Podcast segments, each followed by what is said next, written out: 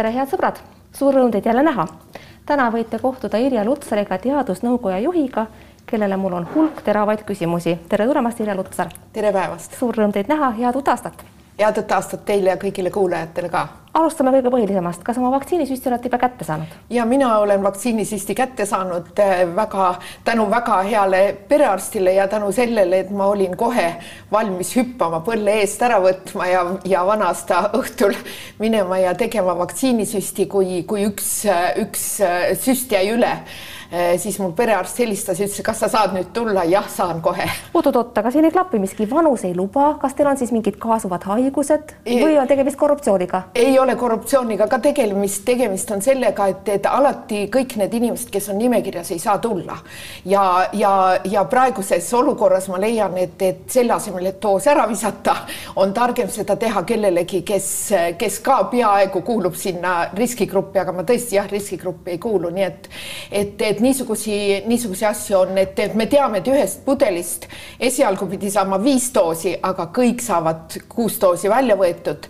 sellest pudelist, kui, kui korralikult võetakse ja korralikult lahustatakse. oota, aga Üllar Lanno näiteks sai esimeses järjekorras, mille poolest siis äh, teie olete Lannost kehvem? Tema ei. sai oma süsti eelisjärjekorras kätte, teie ei saanud. me ei, ma ei arva, et ma olen kuidagi kehvem või, või parem, aga ma põhimõtteliselt ei no, tahtnud. küsimuse mõte on, miks Lanno ja, sai? ja ei, ma ei tahtnud nagu järjekorrast ette ette minna, aga, aga Lanno läks noh, võib-olla ka mingil määral on jah, et, et Lanno ja haigla peaarstid, kes, kes tegid, võib-olla selles mõttes on, nad näitasid võib-olla ka, me, me teame, et ühiskonnas on ka vastuseisu vaktsiinile, nad näitasid ka seda, et meie vaktsineerime, võib-olla selles mõttes on, on, on see ka nagu hea, hea Lanno puhul see ei klapi, sellepärast et tema vaktsineeritud saamine tuli avalikuks saates olukorrast ja. riigis. Lanno ise piltidele ei roninud jah, ja ei noh, võib-olla piltidele ei pea, pea ronima ja, ja ega, ega ongi väga eh, minu ideaalses maailmas oleks olnud, oleks ma tahtnud niimoodi, et seda vaktsiini oleks nii palju olnud, et absoluutselt kõik oleks kohe esimesest päevast alates saanud. et ega mulle üldse ei meeldi see, et me peame kogu aeg prioritiseerima, mõtlema, ümber mõtlema, et kas nüüd see grupp oli kõige õigem või oleks pidanud see teine olema õige. see, see on tohutult ajuenergiat võtnud. me jõuame vaktsiinide juurde veel tiiruga mm. tagasi, aga räägime piirangutest, sest ja. need on need, mis meie kõikide elu rikuvad ja meil kõigil tuju halvaks teevad, me kõik loodame, et need oleks lõppenud. teate, Irja Lutsar, mulle tundub juba pikema aja jooksul, et valitsuse otsuste halb kvaliteet heidab varju ka teadusnõukojale. kui valitsuse otsused piirangute asjus on nii kehvad, siis on põhimõtteliselt kaks võimalust. kas teie juhitav teadusnõukoda annab valitsusele halba nõu või on valitsus nii rumal, et ta teie nõu kuulda ei võta, kummaga on tegemist? no võib-olla on veel kolmas variant, et ega keegi ju väga täpselt ei tea, mis täpselt töötab ja mis täpselt ei tööta. oleks niisugune piirangute nimekiri kuskil, ütleme Maailma Tervishoiuorganisatsioonis või me näeks, et mõnes riigis vaat need väga hästi töötavad, siis me võiksimegi neid piiranguid teha. ma saan et aru, te ütlete, et teadusnõukojal ei ole piisavalt informatsiooni, teil ei ole piisavalt andmeid teiste riikide edulugude kohta Te, te tunnistate sisuliselt, et nõukoda pole kompetentne? ei, ma ei tunnista, et nõukoda ei ole kompetentne, ma tunnistan seda, et maailmas ei ole, ei ole piisavalt informatsiooni. Ja, ja, ja see. meil on töötab... aasta aega see viiru, viirus olnud, kuidas ei ole piisavalt informatsiooni? absoluutselt, aga me kasutame neid samu meetodeid, see ühiskonna kinnipanek toodi esimest korda pildile tuhande viiesajandal aastal katkuepideemia ajal. Ja mul on ka väga kurb, et, et maailma teadus, et me oleme nii kehvad ikkagi ja kui te usute, ma, ma olen tõesti kurb selles mõttes, et, et me oleme ikkagi, teamegi, ainuke meetod, mis kindlalt töötab, on ühiskonna lukkupanek, mis oli juba katku ajal teada, tuhat viissada, nagu ma ütlesin. aeg pole üldse edasi läinud. aeg ei ole nagu üldse edasi läinud, et me oleme, me lendame, kuulame, kasvatame üles neljasaja grammiseid lapsi. Eh, me oleme väga paljudeks asjadeks võimelised tänapäeval, aga me ei, me ei tea väga lihtsaid asju, me oleme võib-olla eh, jah, niimoodi inimkonnana, mina sealhulgas hulgas, teie sealhulgas, oleme, võtsime nagu äh, võib-olla seisukohad, et küll me nende infektsioonhaigustega hakkama saame, et need ei ole enam meie probleemid, aga tegelikult me ju teadsime, et meil ei ole häid viirusvastaseid ravimeid, me teadsime, et meil ei ole kõigi infektsioonide vastu vaktsiine, aga, aga, aga ühiskond võttis meid, me tegelikult siin ütleme äh, viimase viiekümne, kuuekümne aasta jooksul meil on väga vähe uuringuid just mitte farmakoloogilistest meetoditest meetoditest. kasvõi seesama lukkupanek või kasvõi seesama kätepesu või maskide, maskide ettepanemine, need on neid niisuguseid väga häid uuringuid puhangute vahelisel ajal oleks ju saanud seda teha, aga me ei ole millegipärast teinud ja selleks ma võtan ka süüd enda, endale seda tuleb teil saate juures, saate jooksul, ma kardan veel korduvalt teha. mul on selline küsimus juba pikka aega südamel, miks ei ole Terviseameti, miks ei ole Teadusnõukoja soovitused valitsusele avalikud? mida ma pean silmas, Teadusnõukoda koosneb erinevatest inimestest ja on väga raske ette kujutada, et nad oleksid kõik ühel mm -hmm. arvamusel. miks ma ei võiks eraldi teada, missugune seisukoht on näiteks Andres Meritsal missugune seisukoht on Peep Talvingul, teil ja siis Krista Fischeril ja teistel nõukogu liikmetel, kuidas kujuneb see nõu, mida te valitsusele annate? miks ei ole avalikult teada? Äh, noh, ilmselt äh, kõigi maailma koosolekute, mis seal arutatakse, mida seal räägitakse, ma ei ole kõiki neid skriptid ei teha ka avalikuks ja võib-olla polegi see, see alati avalikuks tegemine ei anna kellelegi mittespetsialistile väga palju. me oleme minu praegu... elu, need piirangud ju ahistavad, miks ma ei võiks ja, teada, kuidas see otsus ja, sünnib? aga, aga teadusnõukoda, räägin teile, kuidas, kuidas need otsused kujunevad. Äh, meil on kõik Eesti Vabariigis teavad, et meil on iga esmaspäeval koosolekud sellel nädalal nädalal on meil isegi kaks koosolekut, üks oli esmaspäeval, teine, teine on täna õhtul. ja, ja meil nädala jooksul siis kujuneb välja see mingisugune teemade ring, mida me siis selles, sellel koosolekul arutame.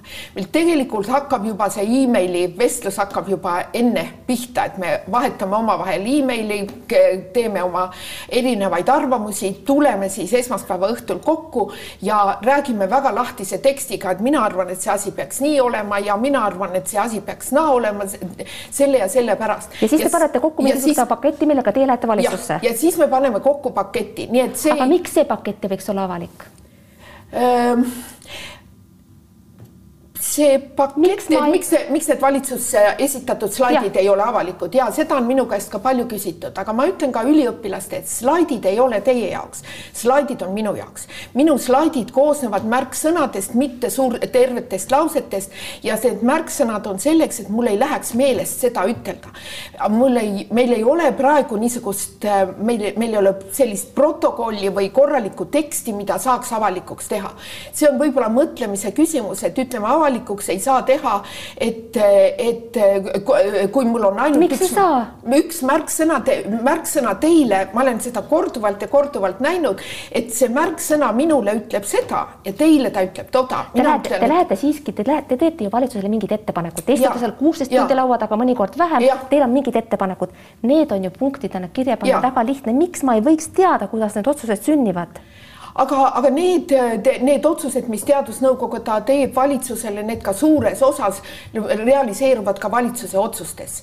nii et, et, et ma ei, ma ei tea, kas kõik absoluutselt peab olema täiesti avalik, aga, aga, aga siis, kui ta läheb te... avalikuks, peab ta tulema juba nagu täistekstina, mitte, mitte enam märksõnadena, sest te terve rida mu slaide on ka märksõnades. Te ütlete teie, et valitsus viib enamasti teie otsused ellu, aga ma ei usu, et Teadusnõukojas oleksid nii rumalad inimesed, kes soovitaksid koolide laussulgemist, kes soovitaksid panna kinni spordisaale, andke andeks, spordisaalides inimesed lähevad teise maakonda, sõidavad üle maakonna piiride. Te ei ole ju nii rumalad. jah, võib-olla te nimetate seda rumalaks ja võib-olla me oleme nii rumalad, aga selle spordisaalide kinnipanekust, et ükskõik te, kuidas, kuidas seda esitatakse, et ega spordisaalis ei levi, võimalik, et selles spordisaalis ei levi, ega ujulas ei levi, võimalik, et selles ujulas ka ei levi. üks äh, põhjus, miks oli see, äh, see niisuguste mm, suhteliselt laialdane igasugune kinnipanemine oli, oli ka see, et, et võimalikult inimeste ringlust vähendada. no ja nüüd lähevad teise maakonda. no ma ei tea, kas spordisaalides väga käiakse teises no, miks maakonnas. lähe, palun lugege ERR-ist lugu, avalugu, see on täiesti levinud. noh, inimesed võtavad ka, näevad noh, näiteks ma toon ka sellise näite, inimesed, mina saan väga palju emaili, vaata, kui täis on kaubanduskeskused. mina ei tea ma ei lähe sinna, ma, mina küsin nende inimeste käest, aga mida sa sinna kaubanduskeskusesse lähed? küsimus, sinna... küsimus ei ole tegelikult ju, kas inimene läheb kaubanduskeskusesse või ta ei lähe või kas ta ületab maakonna piiri selleks, et sporti teha, vaid küsimus on selles, et toimivad ainult need piirangud mida inimesed järgivad. kui inimesed neid ei järgi, järelikult olete nii teie kui ka valitsus läbi kukkunud. see on minu point. jah, ei, ma saan teist väga hästi aru ja ma olen teiega väga hästi nõus, et, et toimivad need piirangud, mida, mida inimesed täidavad aga piiranguid ei teha sellepärast, väga paljudel inimestel on nagu mõte, et piirangud tehakse sellepärast, et tema saaks nüüd hakata mõtlema, kuidas nendest piirangutest mööda minna. aga nendel piirangutel on ka mingi mõte. mul ei ole, ma, mul ei ole mitte keegi selle poole aasta jooksul ütlenud, et aitäh, teadusnõukoda, et te meie riigi nii kaua olete lahti hoidnud ja meil nii vabalt lasknud käituda. seda ei ole mitte mitte ükski inimene ütelnud, aga nii nagu väikenegi piirang tuleb, siis, siis tuleb äh, kriitikat eest-tagant ja. teate, asi, asi ei ole selles, et on piirangud, igaüks, ma arvan, saab aru ja ka mina nende hulgas mm -hmm. saab aru, et viirusega on tarvis midagi ette võtta ja, ja piirangud võiksid või võivad olla vajalikud. mida ma aga tahaksin, et nad oleksid arusaadavad ja põhjendatud. näiteks olukorras, kus kirikud jäetakse lahti ja koolid pannakse kinni, andke andeks, see tundub rumal, see tundub totter, kuidas sellise ja. asja peale saab tulla? mina isiklikult ei ole usklik inimene, aga ma saan väga hästi ja ma olen väga palju näinud inimesi, kes on kellele on saatus väga halvasti või kelle saatu, kelle suhtes saatus võib-olla on ebaõiglane olnud ja nende ainukene elulõng ongi see kirikusse minek. et see on see, mis annab neile võib-olla, võib-olla minul nagu, nagu ateistina on sellest raske aru saada, aga ma püüan nendest inimestest aru saada. nüüd, mis puutub koolide. vabandage, ma pean segama vahele. seesama, seesama kristluse, kristliku, kristlastele erandi tegemise teema ei ole tegelikult ju mitte hingehoiuga seotud, vaid see on poliitiline poliitiline otsus, see on poliitiline pööre õiguskantsler Ülle Madise juhtis tähelepanu, et ühel on olulised kirikud, aga teistel on olulised needsamad spordisaalid, kes käivad oma hinge võib-olla ravitsemas sellega, et nad hoolitsevad oma keha eest. Needsamad argumendid esitas Ülle Madise ka valitsusele, valitsus rullis temast üle. miks? See on tegelikult äh, väga no, arusaadav mõttekäik. selle..., ühele kirikut, teisele spordisaalid, kolmandale midagi see, muud. äh, valitsus kellestki üle rullib, tuleb muidugi valitsuselt aga teie, Mailda, istusite aga seal laua taga ja nägite, kuidas see toimus? ja äh, mina istusin seal laua taga ja mul on väga suur austus meie õiguskantsleri vastu. Ja meil on kohati erinevad arvamused ja, ja niimoodi peavadki olema, ütlen, et, et nende see kinnipanemine, restoranid äh,, äh, hotellide söömise kohad äh,, spordisaalid ja, ja, ja see kinnipanemise mõte oli ennekõike, et, et inimeste ringlust vähendada ja vaadata, kuivõrd see töötab, sest Ida-Virumaal, kui me jällegi vaatame, siis. no aga kas ikka töötab, kui praegu inimesed ületavad maakonna piiri selleks, et sporti teha, kuidas aga, ta siis töötab? aga vaadake Ida-Virumaal, vaadake Ida-Virumaa haiglate seisu praegu, mina jälgin seda igapäevaselt, mul on slaidid tehtud, ma iga päev vaatan oma slaidid üle. Ida-Virumaa haiglates on olukord stabiliseerunud, ütleme, võtame Ida-Viru Keskhaigla, seal on umbes viiekümne, neljakümne, viiekümne vahel haigeid, aga, aga see ei, enam ei ole ülekoormatud, täpselt sama käib Narva haigla kohta. nii et me saame ütelda, et mingil määral need piirangud siiski Ida-Virumaal Kuda, on kuidas on töötanud. lugu Tallinnas, kuidas on lugu Tallinnas? Tallinn, Tallinna, Tallinna haiglates, aga Tallinna piirangud tulid ka oluliselt hiljem kui Ida-Virumaa piirangud. Tallinna haiglates on, on, on, Tallinna haiglad on ainukesed praegu, kus tõesti pinge on suur, ütleme teised haiglad, Võru haiglas oli eile neli inimest või, vahepeal oli kaks inimest koroonaviirusega, see, olles ise Võru haiglas töötanud, teades Võru haigla võimalusi väga-väga hästi, see ei ole palju, kliinikumis on olnud kuskil viiekümne, viiekümne haige ringis äh, juba, juba pikemat aega ja ütleme, Tartu Ülikooli Kliinikum tuleb ka sellega hakkama, saab ka sellega hakkama, vaidlemata üldse vastu, et nendele meditsiinitöötajatele, kes seal töötavad, on see väga-väga suur. teate, mulle tundub, et siiski Madisel on äh, õigus, kui ta ütleb, et põhiprobleem ei ole mitte selles, kas inimesed saavad sporti teha või mitte või kas nad saavad isegi kirikus käia, vaid pigem kuidas kaitsta hooldekodusid, kuidas kaitsta ja. haiglaid. aasta lõpul oli mul endal juhust kokku puutuda meditsiinisüsteemiga ja ma olen väga tänulik, et mind aidati. kuid see, mis ma haiglas sees nägin, kohutas mind tõeliselt. ma ei tahaks neid detaile avalikustada, kuna ma olen abi saamisest tänulik, kuid mul on põhjust olla, olla väga murelik. ehk siis haiglad on see, millega me peaksime tegelema, hooldekodud teisena. mina mõtlen, et, et tur-, ma absoluutselt nõustun teiega ja, ja, ja ma, ma olen enda peale ka vihane. ma tean ju veebruarikuust alates, et hooldekodud on, on, on see riskikoht ja ometi ei oska me midagi teha ja ei oska ükski teine riik ka midagi teha. et, et, et kui ma teaks, mis on see retsept, et hooldekodu töötajad ei tooks hooldekodudesse seda viirust, et praegu tundub eh, niisugune väga selge pilt kujunevat, et, et hooldekodusid ju ammu ei küla, külastata ja hooldekodude inimesed ju sealt välja ei käi, kel, kellel on hooldekodudega kogemust ja minul seda on. et, et, et seal ei ole sinna hooldekodusse, ma ei pane oma omast siis, kui ma saan temaga kodus hakkama see on, see on mu, mu viimane väga raske samm, mis ma pean oma elus, elus tegema ja ma ei anna seda endale kunagi andeks, et ma olin sunnitud oma ema hooldekodusse panema see on väga emotsionaalne minu jaoks, aga, aga, aga hooldekodudes. Te pidite seda tegema, saan aru? ma pidin seda tegema, mul ema ei seisnud enam püsti ja võib-olla see ei ole õige, et, et. millal te saite teda viimati külastada? E, no minu, minu ema õnneks oli, õnneks juhtus see kõik enne seda koroonaaega, aga, aga, aga ma ütlen teile, et, et see ei ole, see ei ole mingi niisugune väga rõõmus kogemus ja vaadata säravat inimest, kuidas ta, kuidas ta lihtsalt hääbub, see on, see on nagu, nagu, nagu väga-väga raske, aga nii, nii see elu lõpp on niimoodi, et. arusaadav, pöörame siit isiklikust ära. aga ärme isiklikuks lähme, aga, aga kui me osk-, kui me saaksime nagu, et hooldekodude töötajad, et, et nad ei, et me suudaks neid kuidagi kaitsta ja mul on väga suur lootus, et me suudame need hooldekodude vähemalt.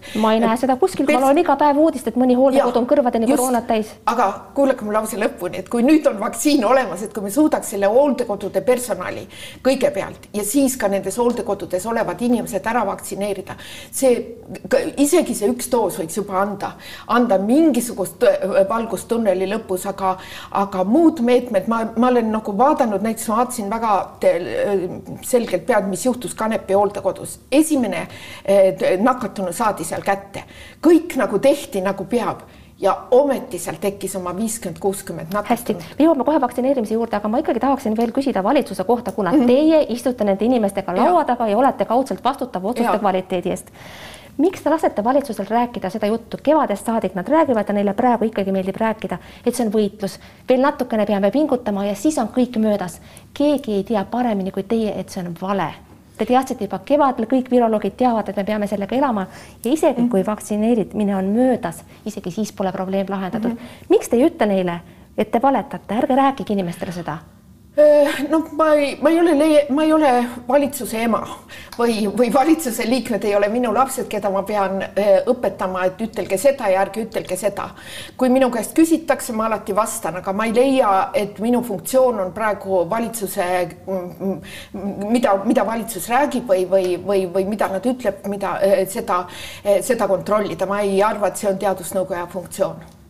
arusaadav räägime vaktsineerimisest, kuidas on siis nüüd juhtunud sedasi, et, et ähm, see ühe süsti tegemine, kaitsesüsti on tehtud Eestis juba ma ei tea, kui kaua, eks ole, kogu aeg on tehtud igasuguseid, nüüd on järsku nii keeruline, et peab läbima ei tea, mis koolitused, et saaks süsti teha. palun selgitage, kuidas see, kuidas ja, see nii on juhtunud? ma olin ise seal koolitaja ka ja, ja, ja on tegemist täiesti uue vaktsiiniga ei ole keegi MRN.... no aga süst jääb süstiks või no, kuidas? süst on süstiks, süsti tegemise, süsti tegemiseks ei pea meditsiiniharidust isegi olema. no aga millest me siis räägime? me räägime sellest, et meil, meil on ammu juba möödas need ajad, et ma saan võtta siin ja ma olen seda ka näinud, võeti ju Vene sõjaväes, võeti inimesed, pandi ritta, tagumikud püsti ja tehti need süstid ära, et, et ühtegi küsimust ei küsitud. aga tänapäeval ma tean, et väga paljudel inimestel on küsimusi ja väga-väga normaalsetel inimestel on ka küsimusi. ühesõnaga õpetatakse küsimustele vastama, mitte süsti tegema süsti tegemist ei ole vaja kellelegi õpetada, õpetatakse küll, on, on meil, mina ei mäleta ühtegi niisugust vaktsiini, mis on miinus kaheksakümnest võetakse välja. ei no see on logistika küsimus, see on teine asi. seda õpetatakse ka see, sellel koolitusel, et kuidas seda täpselt lahustada ja need asjad on ka väga-väga olulised, et see kõik on õieti tehtud, et, et, et me ei teeks inimesele süsti, millest nagu kasu ei ole. aga, aga seal koolitusel ka õpetatakse, et, et, et inimestel on küsimused. minul on vähjahaige kuna ma võin talle selle süsti teha, kas siis, kui ta saab see eh, keemiaravi või enne keemiaravi või pärast keemiaravi või kas ma teen ühekordse doosi, kahekordse doosi või mis saab lastest, mis saab rasedatest, mis saab inimestest, kes, kellel on köha-nohu. Eh, kui, kui inimesel läheb meelest teist doosi teha, kuna siis võib, võib seda teist doosi, seal oli. okei okay,, see on arusaadav. seal oli väga palju küsimusi. veel üks asi, meil on, me teame, et on vaja teha kaks süsti aga miks me ei võiks läheneda niimoodi, et, et kõigepealt esimene süst võimalikult suurele hulgale inimestele ja siis see teine, me ikkagi võidaksime ühiskonnana väga palju rohkem. Te viitasite sellele võimalusele, aga mingit arutelu pole tekkinud ja ma saan aru, Terviseamet on tekitanud kohustuse, et kõik peavad saama kaks see ei ole ju mõistlik otsus. kaks doosi on tõenäoliselt vajalik, et, et tagada pikemaaegne. jah, aga et saaks esimese süsti kätte. ma olen, ma olen noh, nii nagu te aru saate, ma olen ka seda ütelnud, et, et aga, aga seda ei saa niimoodi ära otsustada, et inglased no jällegi me, me ei tea väga palju, kuidas see immuunsus tekib, me teame kahjuks Pfizer ei vaadanud neid, Pfizeri uuringutes oli kolmsada inimest vaktsiinigrupis oli, kes said ühe doosi ja millegipärast ei saanud teist doosi, seal oli inimesed keeldusid või mingid, aga mida Pfizer oleks pidanud tegema ja tagantjärgi on ju väga kerge tark olla, nad oleks pidanud vähemalt seda kolmesadat inimest jälgima, aga nad ei ole seda teinud. nii et me ei tea, mis selle kolmesaja inimesega juhtus. Äh, me teame, et need, kes said esimese doosi ja teise doosi, et seal oli vaktsiini efektiivsus väga kõrge et, et kui ma nüüd andmetele vaatan otsa, siis, siis jah, minu hinnang on küll nii, et me võiksime seda teist doosi edasi lükata. okei okay., miks ei ole vaktsineerimiskava avalik? Üllar Lanno tunnistas seda avalikult Postimehes Äh, mis mõttes te mõtlete, et vaktsineerimiskava ei ole avalik, et mis, mis te selle all täpselt mõtlete? vaat ma tahaks teada, mida mõtleb Lanna, sellepärast et mingisugused äh, faktid vaktsineerimise käigu kohta on leitavad Terviseameti leheküljelt ja, ja, ja ka sellelt kriisileheküljelt, kuid vaktsineerimiskava detailsel kujul avalik ei ole, miks? Äh, vot seda, seda peab Üllar Lanno käest küsida, küsima, mis ta mõtles, aga üldiselt olen ja mina olen mitu korda kommunikeerinud ka sotsiaalmeedias, et et, et, et kuidas see vaktsineerimise üldpõhimõtted praegu paigas paigas on, et missugused on prioriteedid, eesliini meditsiinitöötajad, siis tulevad, siis tulevad kohe hooldekodude töötajad, hooldekodude elanikud, vanemad inimesed riskifaktorite ja ja, ja ilma riskifaktoriteta ja, ja siis äh, sellele äh,, sellele järgneb siis muud eesliini okay. töötajad kui ma mõtlen Terviseameti peale, mul tuleb alati meelde Martin Kadai, kes ütles, et tema ei taha olla valitsuse tuim käsutäitja. kui ma praegu vaatan Terviseameti toimimist, siis tundub mulle, et Ürla Lanno näol on äh, Terviseamet saanud juhi, kes äh, saab valitsusega väga hästi läbi, loeb tema soove silmist miks see nii on läinud, miks on, miks on Terviseamet muutunud nii nõrgaks ja valitsusele nii mugavaks partneriks? ma ei, ma ei tahaks seda ütelda, ma saan ütelda ainult, et Üllar Lanno töötab väga hoolega, püüab väga hoolega ja Terviseameti probleemid on ilmselt, ilmselt kuhjunud, nii nagu hooldekodude probleemidki. et, et see, need ei ole tekkinud koroonaviirusega ja koroonaviirus on hea sotsiaalne luup, on toonud meie ühiskonna probleemid esile. mulle tundub, mulle tundub tegelikult ikka, et nii teadusnõukoda kes istub valitsusega ühe laua taga ja sööb nendega ühest kausist, kui ka Terviseamet on mõnes mõttes ikkagi valitsuse ripatsid. miks peaksid näiteks needsamad, miks, miks peaks üldsegi teadusnõukoda olema valitsuse juures, miks ta ei võiks näiteks Terviseameti juures olla? seda küsige, küsige äh, jah, äh, väga paljude riikides on need teadusnõukoda valitsuse juures, aga ta võib ka Terviseameti juures olla, ta võib Sotsiaalministeeriumi või, või ükskõik kus kohas. miks ei ühenda näiteks teadusnõukoda ja Terviseamet omad kompetentsid, et spetsialistid oleksid omavahel koos? terviseamet on igal meie koosolekul, eh, mitte üheltki koosolekul, nüüd viimasel ajal juba rohkem kui üks inimene Terviseametist on igal teadusnõukoja koosolekul. Esmaspäeva õhtul, kõigil on võrdne hääl, me, me, meil ei, me ei tee sala, salateadusnõukoja koosolekuid ei ole, Terviseamet on seal alati haaratud, Marianne Härma, eh, Hanna Sepp, kes on, kes on siis epidemioloogid, on, on seal alati kohal, Üllar Lanno ka nii palju, kui tema eh, amet lubab või aeg lubab okei okay,, palju te teadusnõukoja juhina tasu saate? Eh, minu tasu oli eelmisel aastal tuhat viissada eurot kuus, jah. ja teistel teadusnõukoja liikmetel? minu teada oli, eh, mina, mina ei ole nende, eh, nendega lepingutel, nii et ma ei, ma ei saa teile seda ütelda, sest igaühega tehti lepingud eraldi. nii et ma ei osalenud ühegi teadusnõukoja liikme rahalistes läbirääkimistes. arusaadav, meil on jäänud viimane minut ja küsimus on iseenesest mahukas, aga katsume olla hästi konkreetsed. missugust riiki te tooksite Eestile eeskujuks? Mul on tunne, et kõikides riikides on see koroonakriisi juhtumine juhtimine muutunud poliitiliseks ja see on minu meelest kahetsetav, kuid äkki on mõni riik, mis äh, teie hinnangul on saanud teistest paremini hakkama? siin on igal linnul oma laul sõltub, sõltub, mida te tahate, kas te tahate sellist politseiriiki nagu Singapur või tahate? ma tahan tervemaid inimesi, vähem surmasid, vähem, vähem nakatumisi. Singapur, aga siis on ka mobiiljälitamine. Äh, kui see jälitatakse täna viiruse pärast, homme jumal teab, mille pärast.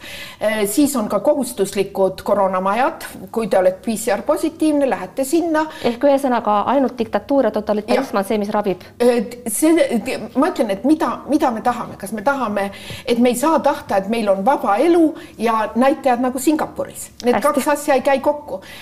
mida me tahame, kui me tahame vabamat elu, siis me peame, peame selle eest ka hinda eh,, hinda maksma Liire Lutsar, suur tänu nende selgituste eest, head sõbrad, suur tänu, et te vaatasite, vaadake teinekord ikka jälle, olge terved, mingu teil hästi, kuulmiseni, nägemiseni.